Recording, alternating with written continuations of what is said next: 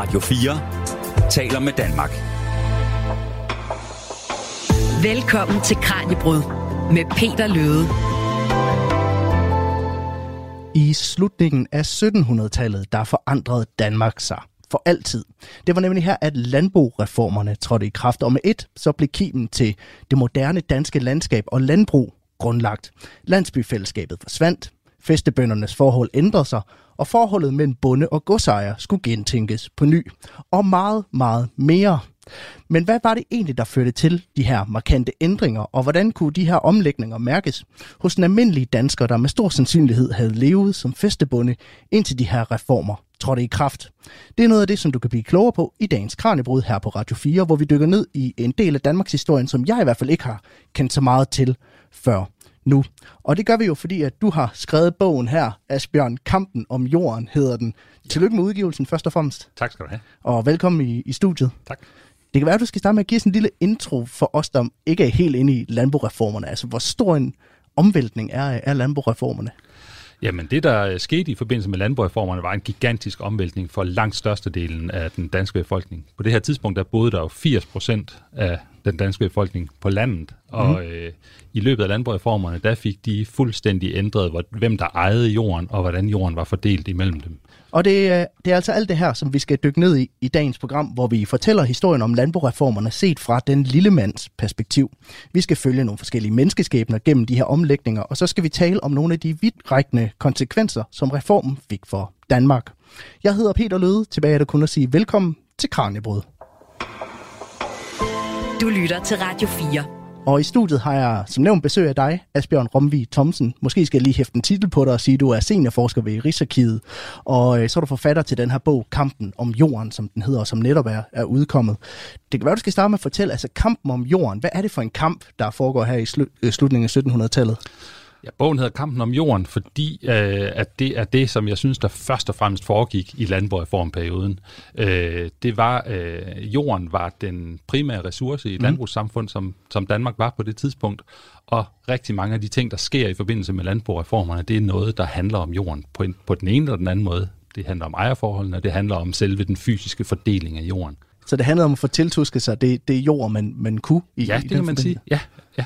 Og det kan være, at du skal prøve at starte med at fortælle lidt om arbejdet med bogen, fordi at du fortæller jo den her bog, øh, fortælling med udgangspunkt i, i, i tre sovne, kan man sige, som du har haft fokus på. Altså, hvilke tre er det, hvor vi hænder i landet? Vi er i Salling, som er en halvø, der stikker op i, øh, i Limfjorden, nord for Skive.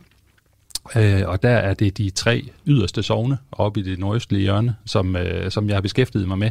Og, øh, og dem, dem bruger jeg, øh, Junget, Torum og Selte Sovne hedder de, dem bruger jeg, fordi jeg har brugt dem tidligere i min forskning til at, at undersøge netop den her periode. Ja, for hvor, hvor, hvorfor de tre sovne? Ja, jamen øh, jeg skrev Ph.D., hvor jeg øh, undersøgte den sociale mobilitet i den her periode. Egentlig ikke nødvendigvis i forbindelse med landbrugreformerne, men simpelthen i den her periode. Mm. Øh, og der skulle jeg have et øh, udgangspunkt, når jeg kiggede på historien fra neden. Ja. Øh, så, var det, øh, så, så valgte jeg et bestemt område at gå ud fra, fordi så kunne jeg komme så tæt på som, øh, som overhovedet muligt og se, hvordan det faktisk udfoldede sig i praksis. Men livet i de her tre sovne, altså var det meget typisk for, for, for tiden?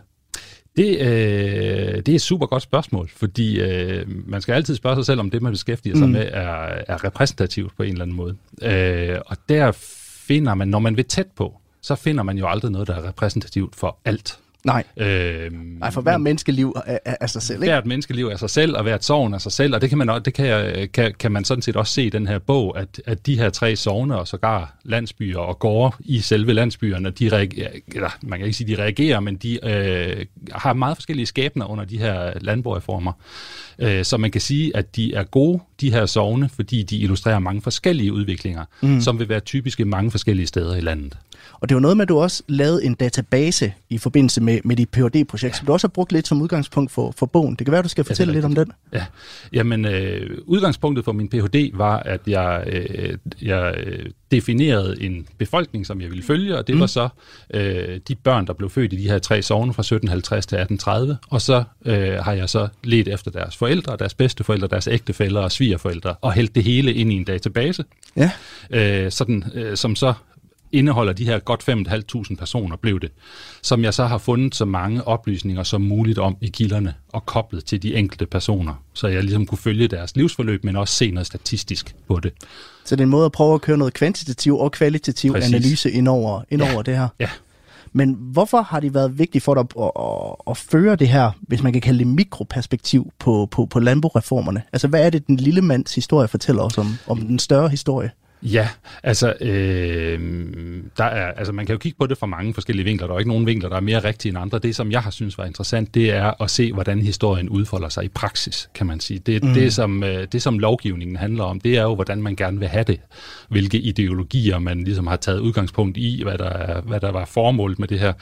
Men det, jeg gerne vil kigge på, det er, hvordan det så faktisk påvirkede folks liv øh, og, og, øh, og hverdag. Og, øh, så, så altså historien i praksis kan man sige. Ja. så det er sådan set at, at prøve at få det ned på et, et hverdagsplan, hvis ja. man kan sige det på den ja. måde, og så sige, ja. hvordan folks hverdag simpelthen blev ændret af de her store reformer. Ja, ja det er fuldstændig rigtigt. Og øh, du dykker jo ned i tre forskellige fortællinger fra landbrugreformernes tid, så tre menneskeskæbner, man ligesom følger igennem den her bog, og det er tre meget forskellige skæbner. Ja.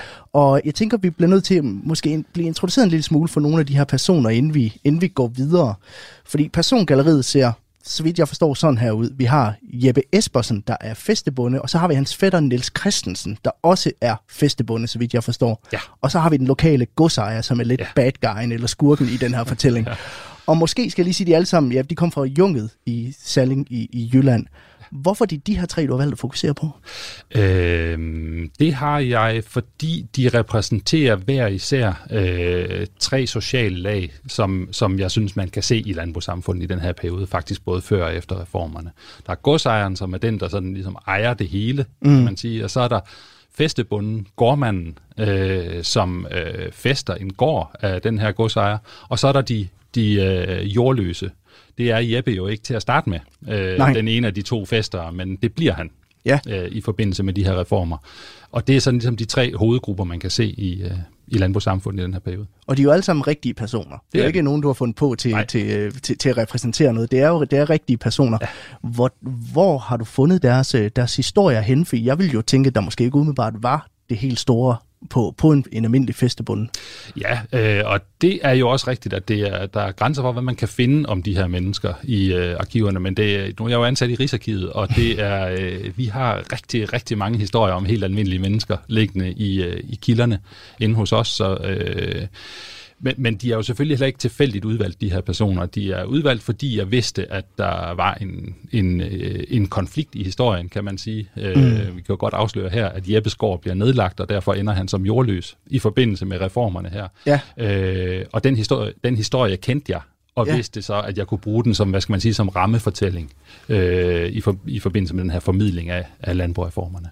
Men hvor meget ved vi generelt set om, om de her personer? Det kan være, at du lige skal give os en kort ja. introduktion til, til vores tre hovedpersoner. Ja, men vi har, øh, vi har godsejeren øh, Anders Kvistgaard, som, øh, som ejede Jungård, der er det lokale gods deroppe i, i slutningen af 1700-tallet og starten af 1800-tallet, indtil han døde i 1806. Øh, og som som ligesom var den, der, der, øh, der havde magten, kan man sige, mm. i det her lokale samfund, vi befinder os i.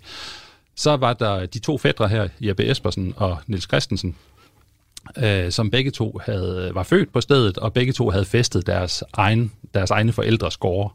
Ja. Øh, og, øh, og på den måde, indtil da, øh, ind, indtil Jeppes gård blev nedlagt af godsejeren, så lignede deres liv meget hinanden, men, men, øh, men med nedlæggelsen af gården, så øh, ryger Jeppe og hans familie over i, øh, i den jordløse gruppe, øh, og der, den kommer de ligesom aldrig rigtig tilbage fra. Og nu siger du, at deres liv minder meget om hinanden, de her to ja. festebønder. Altså, hvordan var livet for en festebonde generelt set? Øh, hvis du ser det i Eller hvis vi skal til, tale med udgangspunkt i Jeppe og Nilses liv, for eksempel. Ja, altså øh, sådan et typisk livsløb, mm. det ville være, at man, øh, ja, at man bliver født og dør cirka det samme sted øh, i landet. Øh, og det gælder jo også begge de to her. De dør begge to i Ungesovn, hvor de også er født. Ja. Øh, så er sådan det, det klassiske livsforløb vil være, at så vokser de op hjemme på gården, og så på et eller andet tidspunkt kommer de ud at tjene, så bliver de gift og fester selv en gård eller et hus, eller hvad de nu fester, under det her gods, som de er født på. Og øh, så sidder de der et stykke tid og holder fast i det, hvis de kan, og bliver smidt ud, hvis de ikke kan. Øh, og så... Øh, og får børn og bliver gamle og dør. Så det er ikke det, er ikke det, det begivenhedsrige liv, man, man lever. Det, det er meget fokuseret omkring landbruget.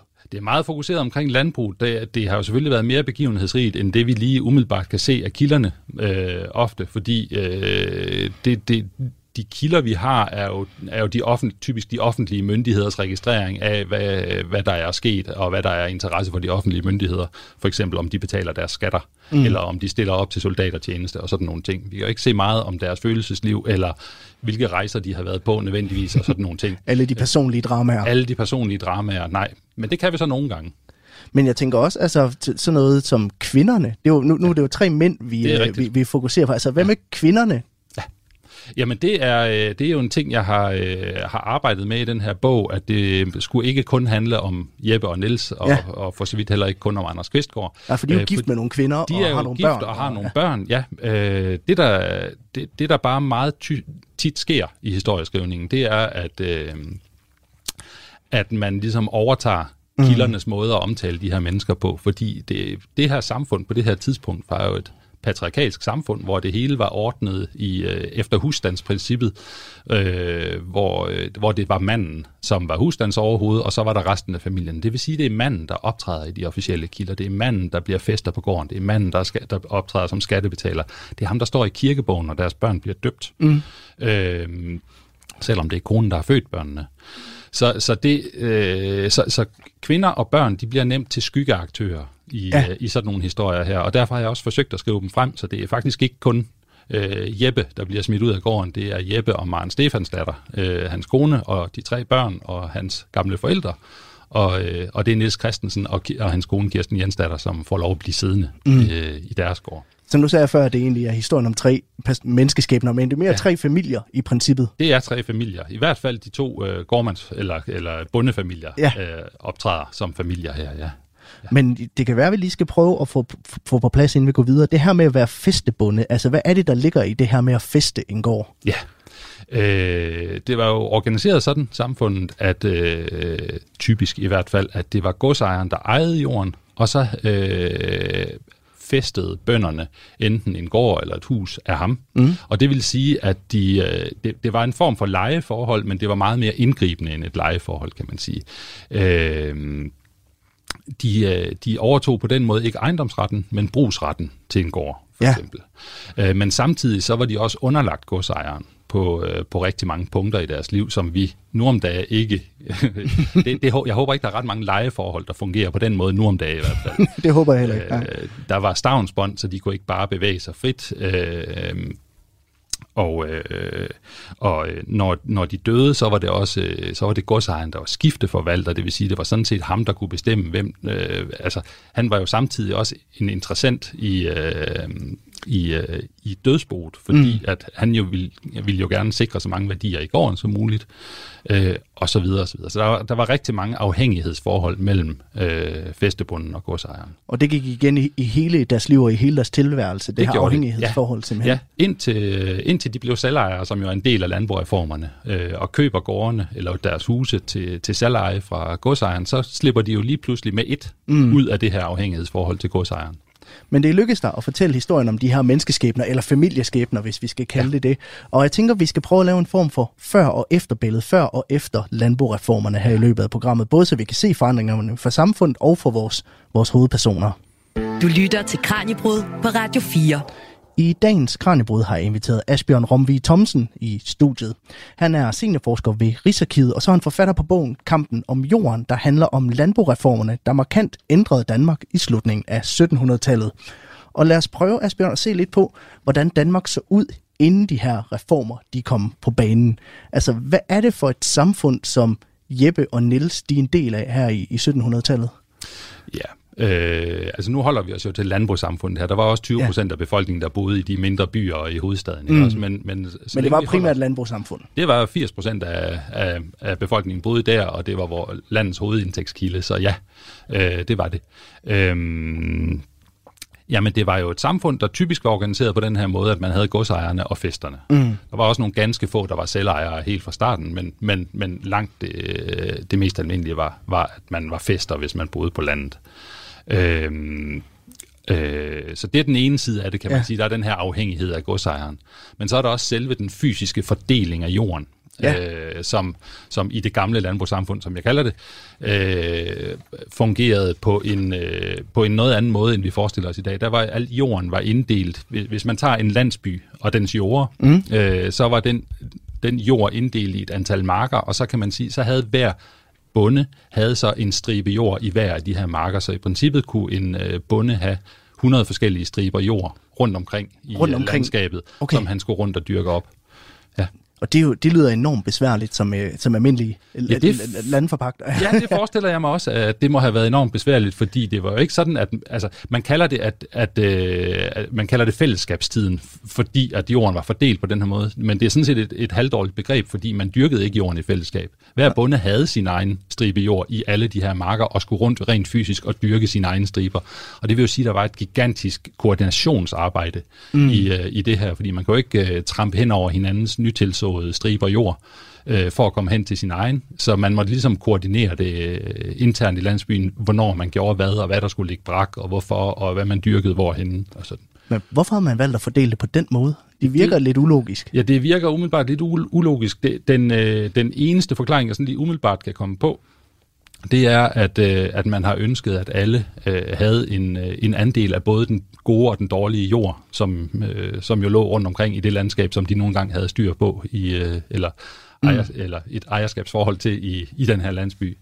Så jeg tror, det har været sådan en rimelighedsfordeling, øh, uden at jeg i øvrigt ved, hvordan det er opstået oprindeligt. Men, øh, men der, har- der har været en almen nyttig funktion i det på en eller anden måde, at simpelthen prøve at fordele rådet så, så, så lige som muligt. Det er, det er mit bud, men det er, det er en, et super gammelt system, som øh, faktisk går, går, går tilbage til lang tid før jeg, øh, lang tid før den periode, jeg er ekspert i.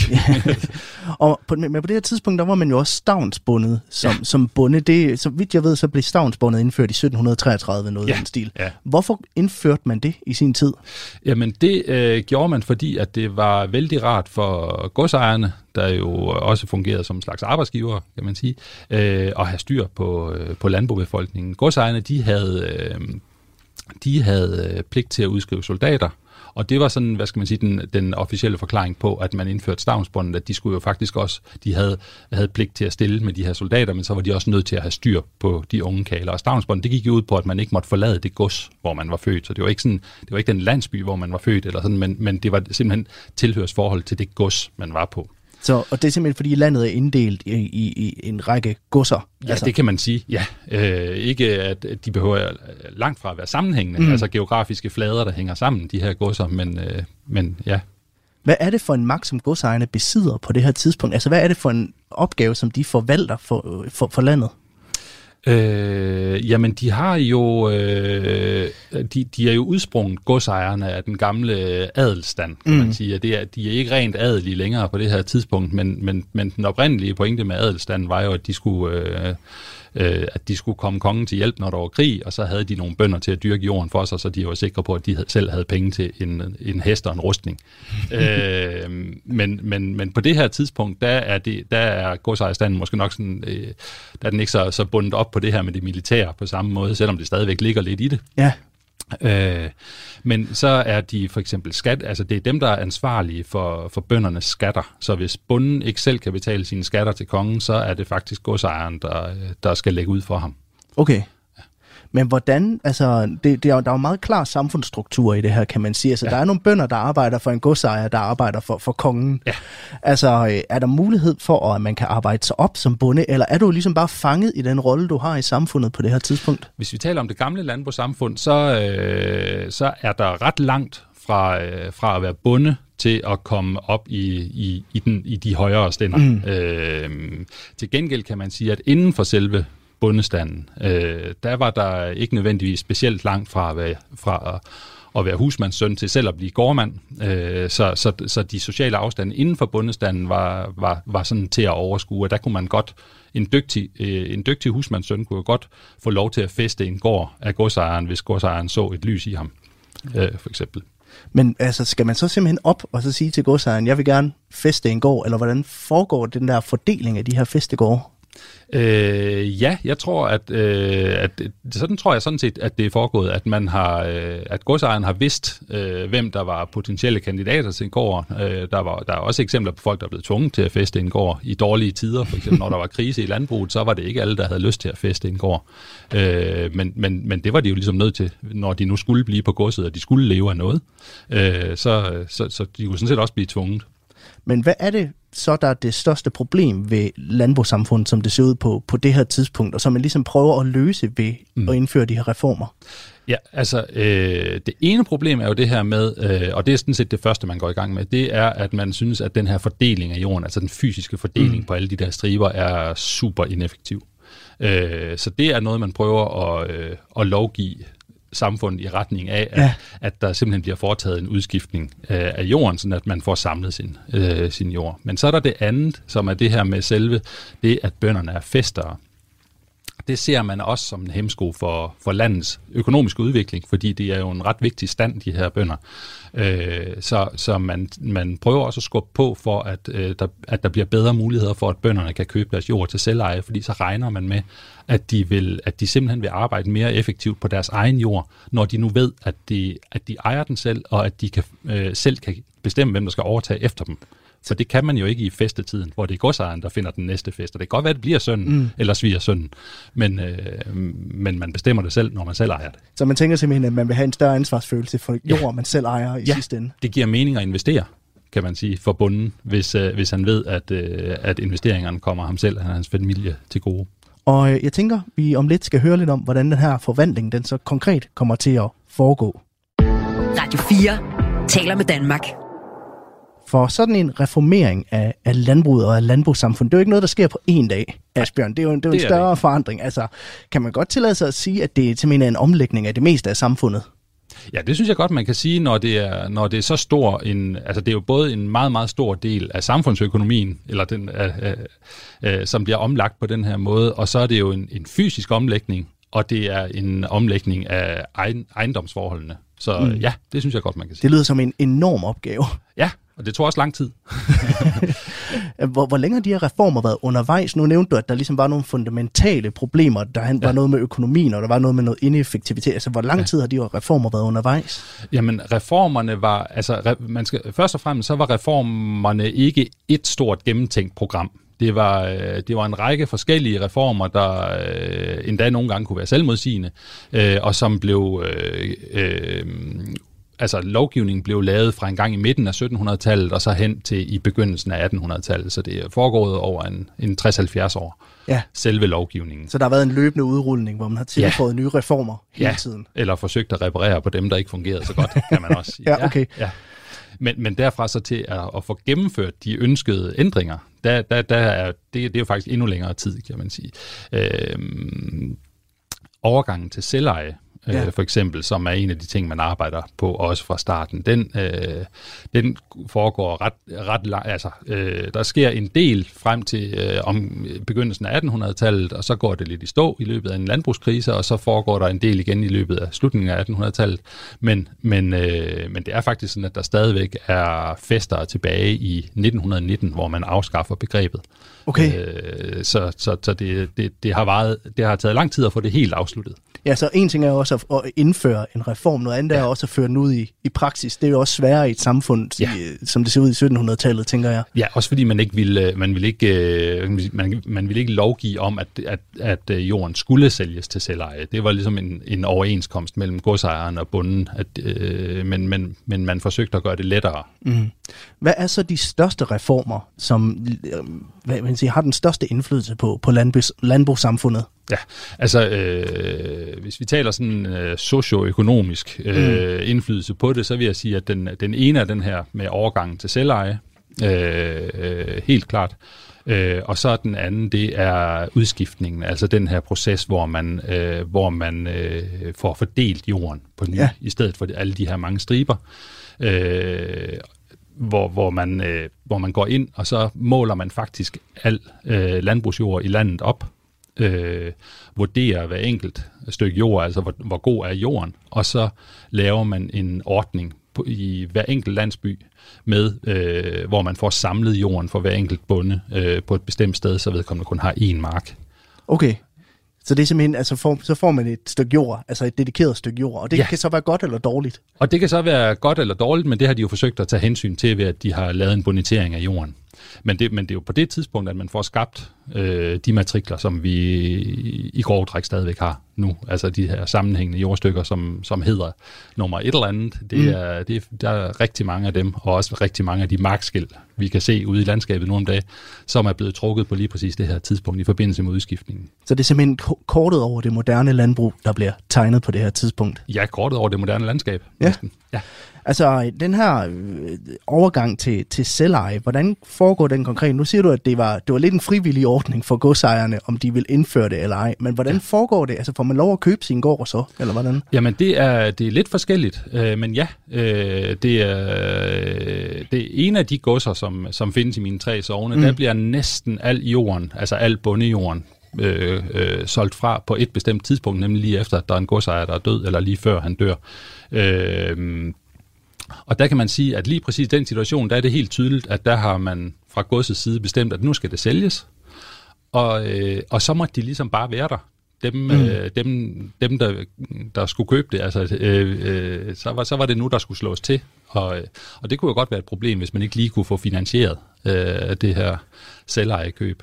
Ja, fordi jeg tænker ikke, det er jo ikke økonomien, der, øh, der altså økonomien, den, den hænger måske lidt ved en, ved en bonde, der lige pludselig står og skal købe en gård. Tænker jeg, det er vel ikke alle, der har råd til, til den slags? Nej, altså der er ikke nogen, der er nærmest ikke nogen, der bare kunne betale den. Øh, pengene skulle lånes et eller andet sted, og det mm. var der forskellige muligheder for. Øh, blandt andet var der også mange, der lånte af godsejeren, og så simpelthen havde pengene øh, stående øh, på den måde. Øh, men ellers nej, så var det i hvert fald på det tidspunkt her omkring år 1800, der var det, der var det et knaphedssamfund, hvor, øh, hvor, hvor, man, øh, hvor, man, hvor der bestemt ikke var mange ressourcer at rute med. De her to reformer, hvis vi skal tage udgangspunkt ja. i dem, udskiftningen øh, og så øh, øh, den her øh, Og overgangen til overgangen til selveje. Altså, hvad betyder det for vores, øh, vores hovedpersoner, hvis vi skal vende tilbage til dem for, for Jeppe ja. og Nils? Ja, altså øh, de to, de var fester under et gods, hvor man ikke fik mulighed for at købe til selveje før øh, faktisk øh, hen over midten af 1800-tallet. Så Okay. her omkring år 1800, der, var der, der havde den del af reformerne lange udsigter. Det siger jo også lidt om, om, øh, om forskellene i øh, bare, bare mellem to nabosogne. Mm. Det ene sted bliver alt jord solgt i 1810, og det andet øh, får, får, øh, får festerne først mulighed for at købe til selveje to generationer senere. Øhm, men udskiftningen får betydning for, øh, for vores kære hovedpersoner her. Ja. Ja. Øh, fordi i forbindelse med udskiftningen, som jo altså er den her om, omfordeling af jorden, der beslutter godsejeren sig også for, at der er lige lovlig mange gårde i Junge by. Okay. Og det kan han jo gøre, fordi det er ham, der ejer jorden. Og fordi at han faktisk fra, øh, fra, sen, fra de centrale myndigheder har fået lov til at nedlægge to gårde, hvis han vil, øh, og hvis festerne går med til det.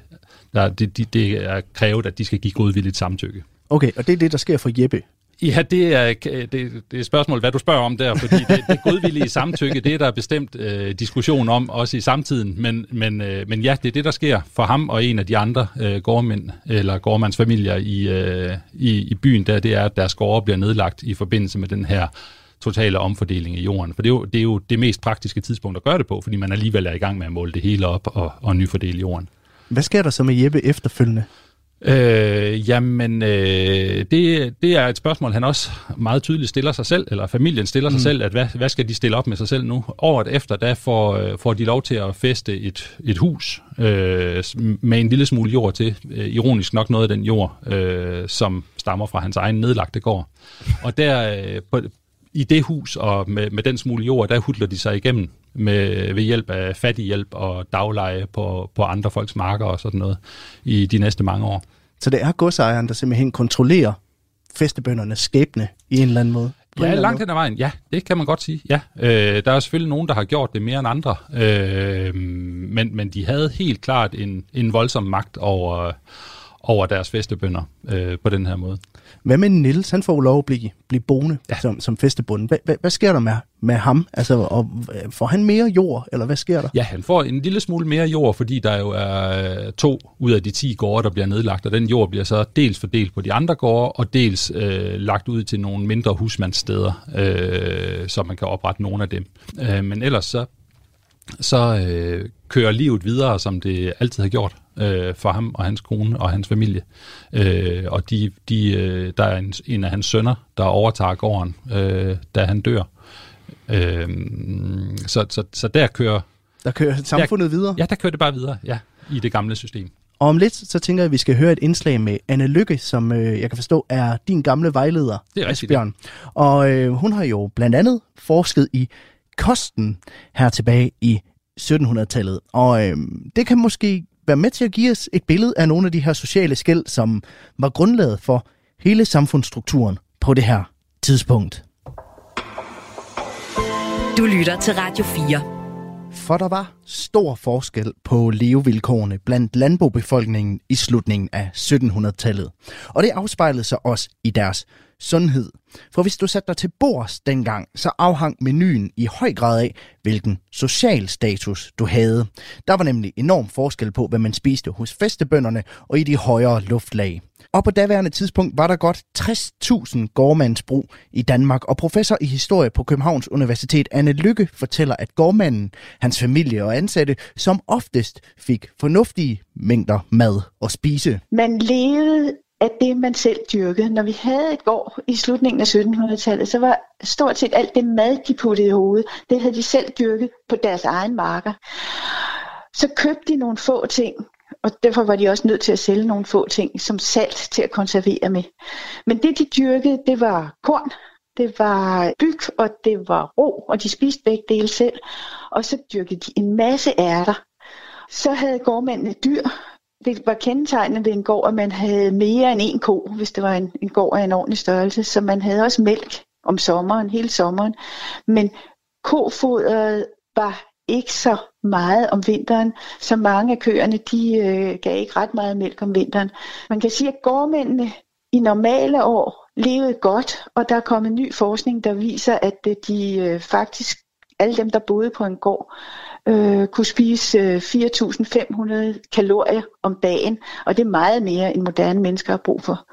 Men de skulle også arbejde hårdt, så det passede meget fint med, øh, at de havde brug for alt det her arbejde. Så var der også en anden stor gruppe på landet, husmændene. Hvem var det? Vi ville ikke så nemt kunne kende forskel, men en husmand havde et lille hus på landet, eller boede hos en gårdmand i et lille hus, han havde bygget. Og de havde ikke plads til alle de her køer, og de havde ikke så store marker, så de var nødt til at arbejde hos nogle andre, eller kun noget særligt. Altså hvis man var håndværker også, hvis man var væver, så havde man jo en anden indtægt. Men det betød, at de fleste af husmændene havde en meget mere usikker økonomi, forstået som, at de kunne ikke dyrke alt det, de selv skulle spise. Så de arbejdede hos andre, og så havde de noget, som egentlig var et forfærdeligt system på den måde, at meget af den løn, de fik, når de arbejdede for andre, var mad for den, der arbejdede der. Så når far fra et husmandsbrug arbejdede på en stor gård, så fik han alt det, han kunne spise på den store gård. Men han fik ikke så meget med hjem, og ikke så mange penge med hjem. Så måtte konen og børnene klare sig for mindre. Og det kan man se i en forskel i sundhedstilstanden mellem øh, gårdmændenes børn og husmændenes børn hele vejen op.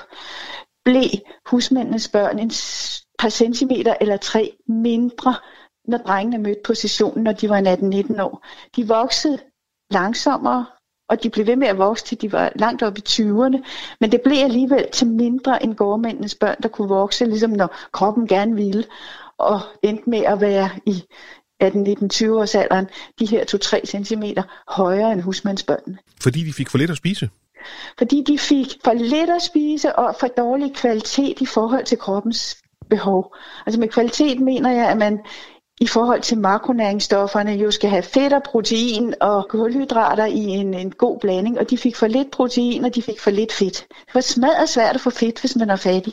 Det lyder jo helt paradoxalt i vores ører, men, men det har været et af de virkelig store problemer historien igennem, hvis man ikke havde sit, sin egen gård med sin egen kø og sine egne grise, som kunne give en øh, fedt nok til at blive i hvert fald nogenlunde høje. Du har nævnt kød, og du har nævnt øh, korn, og du har også nævnt fedt. Du har slet ikke nævnt kartofler.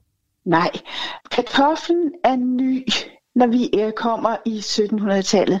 Den kommer jo fra Sydamerika, og den øh, kommer sådan set til Europa allerede øh, enten med Columbus eller kort tid efter. Men man er mistænksom over for den. Kartoflen er natskyggefamilien, og dem ved man er giftige. Så øh, de fleste øh, på landet, de fleste almindelige mennesker på landet, skal ikke nyde noget. Men fine mennesker, dem der kan få lige den mad, de gerne vil have, synes det er eksotisk og dyrker den allerede i 1700-tallet. Men der kommer et gennembrud omkring år 1800, hvor bønderne begynder at tage den til sig. Og lige så langsomt øh, bliver de vildt glade for den. Altså kartoflen viser sig at være lige det, de har bedt om for at kunne øh, få året til at hænge sammen. I normale år er der ingen problemer hos skovmændene. Der er en dejlig høst, og så varer den til den næste høst.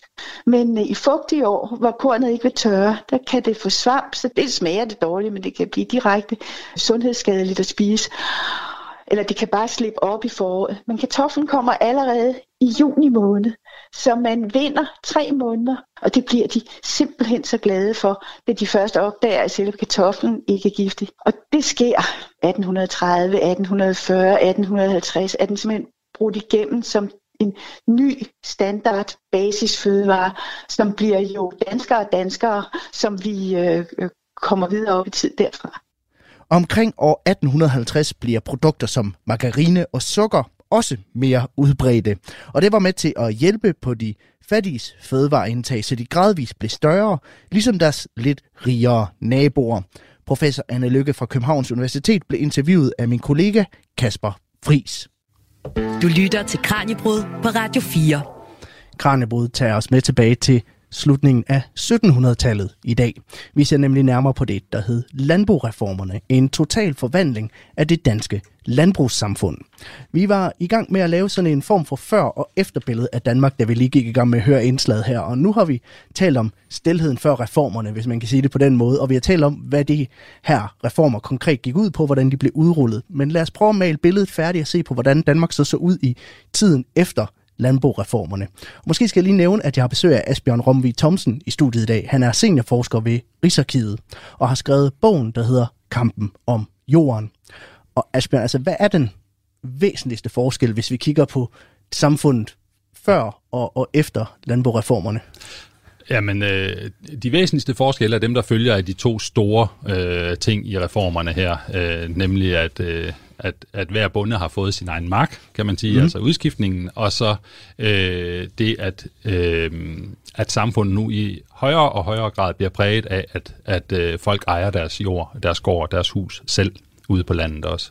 Jeg skal, jeg skal måske lige sige, at når vi taler om det gamle landbrugssamfund mm. og det nye landbrugssamfund, så lyder det som sådan nogle meget faste begreber, der, kan, der klart kan afgrænses. Ja. Og, og det er de jo egentlig ikke, fordi det her er en udvikling, der foregår savtakket, kan man sige, ja. øh, over, øh, over en meget lang periode og meget forskelligt fra sted til sted. Ja, som vi talte om før. De kom, der blev udrullet løbende, de her ja. reformer, hvor man også går tilbage og reviderer ja, noget af det, man havde, ja. man havde lavet før. Hvis vi skal vende tilbage til vores to festebønder fra, fra før, så kan man jo godt sige, at der er lidt en vinder og en taber ja. blandt de to. Altså Jeppe kommer væsentligt dårligere ud af, af ja, reformerne, end, ja. end Niels gør. Ja. Var det typisk, at der på den måde var vinder og taber hos festebønderne? Øh, ja, altså det var måske ikke sådan super typisk, at, øh, at folk fik deres gårde nedlagt i, i forbindelse med landbrugreformerne. Det, det man måske snarere kan sige, det var, at der var nogen, der var, øh, at der var folk, der var jordløse øh, før mm. landbrugreformerne, og der var folk, der var jordløse efter landbrugreformerne. Øh, det, der er den store forskel for den her, hvad skal man sige, den her underklasse i landbrugssamfundet, det er, at, øh, at de ligesom bliver øh, fanget i den her jordløshed på en ny måde, som mm. de ikke har været fanget før, hvor der før var, faktisk var udveksling mellem mellem gårdmænd og, og jordløse, øh, fordi, som jeg sagde, at en godsejer kunne vælge, ja. øh, hvem der skulle overtage gården, og han gik jo typisk efter den, den dygtigste, ja. øh, vil jeg tro. Øhm, så efter, efter landbrugreformerne og i, i selvejetiden, så er der ikke længere en godsejer til at gå ind og sige, at øh, nu er der en anden, der skal overtage den her gård. Så er det øh, gårdfolkene selv, der, der styrer, hvem der overtager det efter dem. Øh, og de vil jo typisk vælge øh, familie. Mm. på den ene eller den anden måde. Øh, og det betyder, at, øh, at de jordløse får meget, meget sværere ved at komme til jord, simpelthen fordi, at, at nu kræver det kapital og ikke dygtighed. Og hvis der er noget, de ikke har, de jordløse, så er det kapital. ja, så man kan sige, at de her skæld og det her, det her samfundshierarki bliver egentlig mere stærkt optegnet på en eller anden måde, altså man sidder mere fast i den klasse, man, man er i. Ja, altså man kan sige, at der, der kommer, kommer øh, dybere skæld inden for bundestanden, ikke også? Øh, mm. Så man får opbygget en, en overklasse og en underklasse på, øh, på landet. Øh, og det, det er jo noget, der også bliver forstærket af en anden udvikling, der sker samtidig her, nemlig øh, befolkningsstigningen. Ja. Øh, der kommer flere og flere mennesker, og, øh, og de bliver i grov træk boende på landet dem, der kommer til. Det er stadigvæk i, øh, hen imod slutningen af 1800-tallet, at det er stadigvæk 80 procent, der bor ude på landet, selvom øh, befolkningen er, er fordoblet eller, øh, eller mere end fordoblet.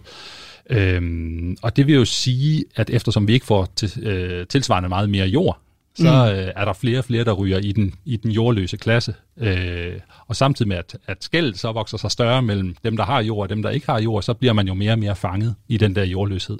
Ja, og vi er jo specifikt fokuseret på de her tre sovne, som du, som du ja. behandler i, øh, i, i, i din bog Kampen om jorden. Men som vi hører, ja. så er det også enormt forskelligt landet ja. over, hvordan det bliver implementeret. Altså, ja. hvordan ser man i resten af landet, at landbrugreformerne, de, de gentrækker nogle af de her, de her grænser også, hvad man siger, cementerer nogle af de her skæld? Ja, Jamen altså, øh, først og fremmest, så kan man jo sige, at, at øh, de reformer, eller implementeringen af reformerne, som mm. jeg ser, ser dem i de her tre sovne, de, de er så forskellige, at, øh, at jeg tror, vi får dækket ret meget af, hvordan det er foregået også i resten af landet. Ikke også? Øh, men derudover så kan man jo også sige, at øh, hvis, vi, hvis vi kigger på udviklingen i, hvor mange gårde der er i landet, og hvor mange huse, altså jordløse steder, mere eller mindre jordløse steder, der er, jamen så øh, kan man se på, på national plan, at, at antallet af gårde er cirka det samme i begyndelsen okay. af 1800-tallet som i slutningen af 1800-tallet. Det er steget en lille smule, fordi der nok er nogen, der har delt nogle gårde, øh, hvorimod antallet af huse, altså jordløse steder, er eksploderet. Og øh, nu bad der jo ja, der om at beskrive det danske samfund, som det så ud i, i 1700-tallet, i det gamle landbo-samfund, ja. hvis vi skal sige det på den måde. Ja. Hvad er det for et samfund, der bliver skabt i kølvandet på de her reformer, og som vi tager med ind i, i 1800-tallet? Jamen det er jo et samfund, hvor, hvor man kan sige, at, øh, at de her sociale skæld øh, i virkeligheden er, er nogen, som man, øh, man jeg nærmest har arbejdet bevidst på at mm. opbygge. De, de jordløse bliver, bliver ret bevidst betragtet som en arbejdskraftressource for, øh, for dem, der har jord. Øh, og derfor er der også en del af, af, af reformerne, som faktisk ikke omfatter dem. Øh, så, så, øh, så, så man får jo det her øh, meget mere klassedelte landbrugssamfund, som i virkeligheden først begynder at... Altså man kan sige, de her folk, som er på bunden, mm. de, der er lukket for opadgående social mobilitet for dem, og det vil jo sige, at de har kun én chance. Når man er på bunden og ikke kan komme opad, så kan man blive der. Ja. Øh, så, og så bliver man på bunden. Øh, det er først hen imod slutningen af 1800-tallet, der egentlig kommer nogle ventiler for, for dem til at slippe væk fra det her, altså i forbindelse med urbaniseringen. Folk flytter ind til byerne, der bliver mere og mere industrialiseret i slutningen af 1800-tallet. Og så masseudvandringen, der starter fra omkring 1870'erne og 80'erne, hvor folk simpelthen i stort tal, øh, især unge mennesker, tager fra Danmark og til især USA. For at søge nye, nye græsmarker, hvis for man kan sige jord. Ja, for at få jord. Ja. og Asbjørn, vi går så småt ind i udsendelsens sidste 8 minutter, og jeg tænker, vi skal se lidt nærmere på de eksakte konsekvenser af de her landboreformer, og hvordan de har øh, skabt ringe i vandet helt op til i dag. Du lytter til Radio 4. For vi har talt lidt om det før, Asbjørn, men hvor meget af det moderne landbrug, altså hvor meget går landbrugreformerne igen i, i, i det moderne landbrugssamfund, som vi kender det den dag i dag? Ja, altså der, der, er jo, der er jo det her med landskabet, som man mm. kan se, hvor, øh, hvor det bliver meget, meget tydeligt, øh, øh, fordi der er rent fysiske spor af, hvordan den her udskiftning foregik, hvor landmåleren han gik hen og trak sine, øh, trak sine grænser dengang, øh, mens, mens bønderne de stod i baggrunden og skændte sig om, det var det rigtige sted. Ja, vi kan bogstaveligt talt gå langs med, ja, med, med, med de gamle præcis. grænser, som man ja. optrak dengang. Ja, men, men så er der en anden ting, som, øh, som, øh, som jeg tit har tænkt over, mm. og som øh, jeg også ser nogle eksempler på, men som jeg ikke har undersøgt videnskabeligt, vil jeg lige sige. ja. øh, jeg tror, at øh, i de fleste familier, der kan man, øh, der kan man gå en til to generationer tilbage måske, øh, fra min aldersgruppe i hvert fald, jeg er født i 70'erne, øh, og så vil man nok typisk begynde der at kunne se om, øh, om, om, om ens bedsteforældre, de kom ud af nogle familier, der endte på den ene eller på den anden side af skældet mellem jordløse og ikke jordløse i starten af 1800-tallet, som jo er adskillige generationer før dem selv. Ja. Hvordan Øh. tænker du, man vil kunne se det? Jamen, øh, øh, øh, man kan, jeg, jeg tror, der er rigtig meget af, af den hvad skal man sige, fattigdom og rigdom, der opstår, eller mm. stille og roligt opstår i forbindelse med, med, med de her landbrugreformer, og i forbindelse med, at folk kom til at eje jord eller ikke eje jord, som var arveligt, ganske enkelt, øh, og som gik igen generation efter generation. Mm. Jeg, når, jeg, når jeg kigger på Jeppe og Nils for eksempel, Ja. øh, så kan jeg jo se, øh, og det er selvfølgelig ikke noget gigantisk empirisk grundlag, men, men, men, men det er alligevel sigende, øh, tror jeg, at, at øh, Jeppe og Maren, Ja. som er dem, der ender som jordløse, de får 11 børn, hvoraf de fire dør som spæde.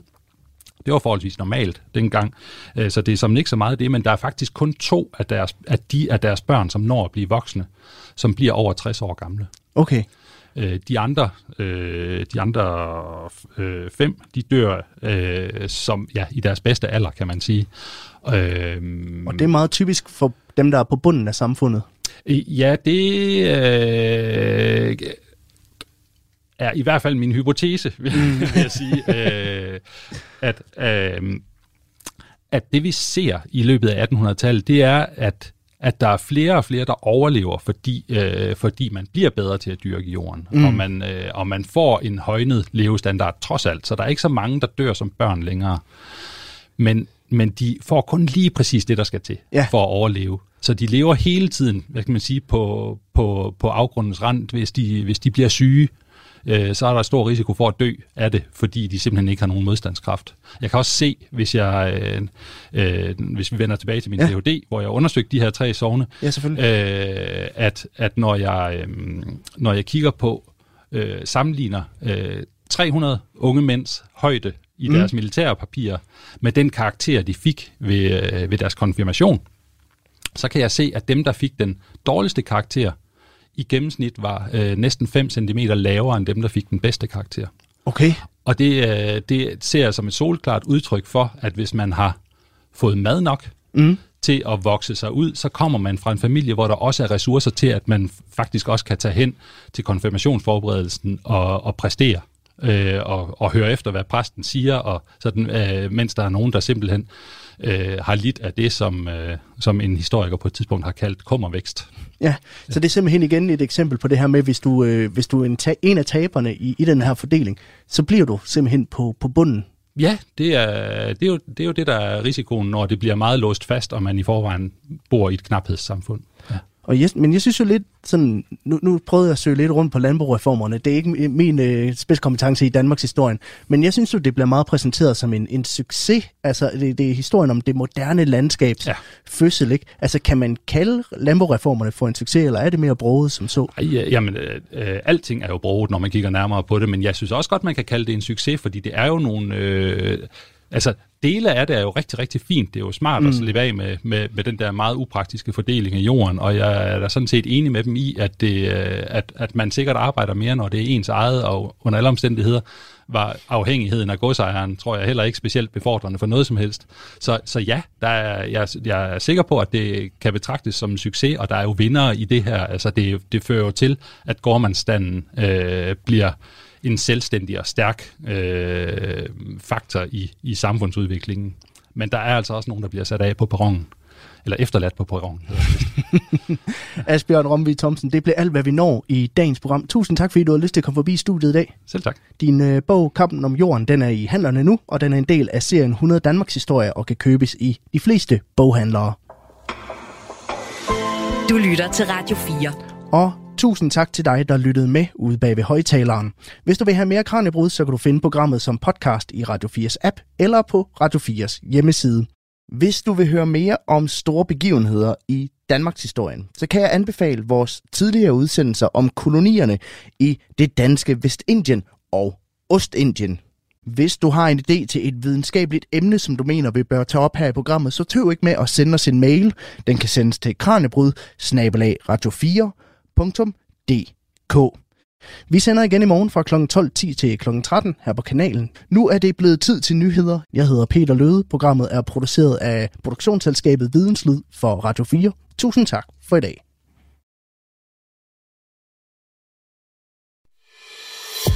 Du har lyttet til en podcast fra Radio 4. Find flere episoder i vores app, eller der, hvor du lytter til podcast. Radio 4 taler med Danmark.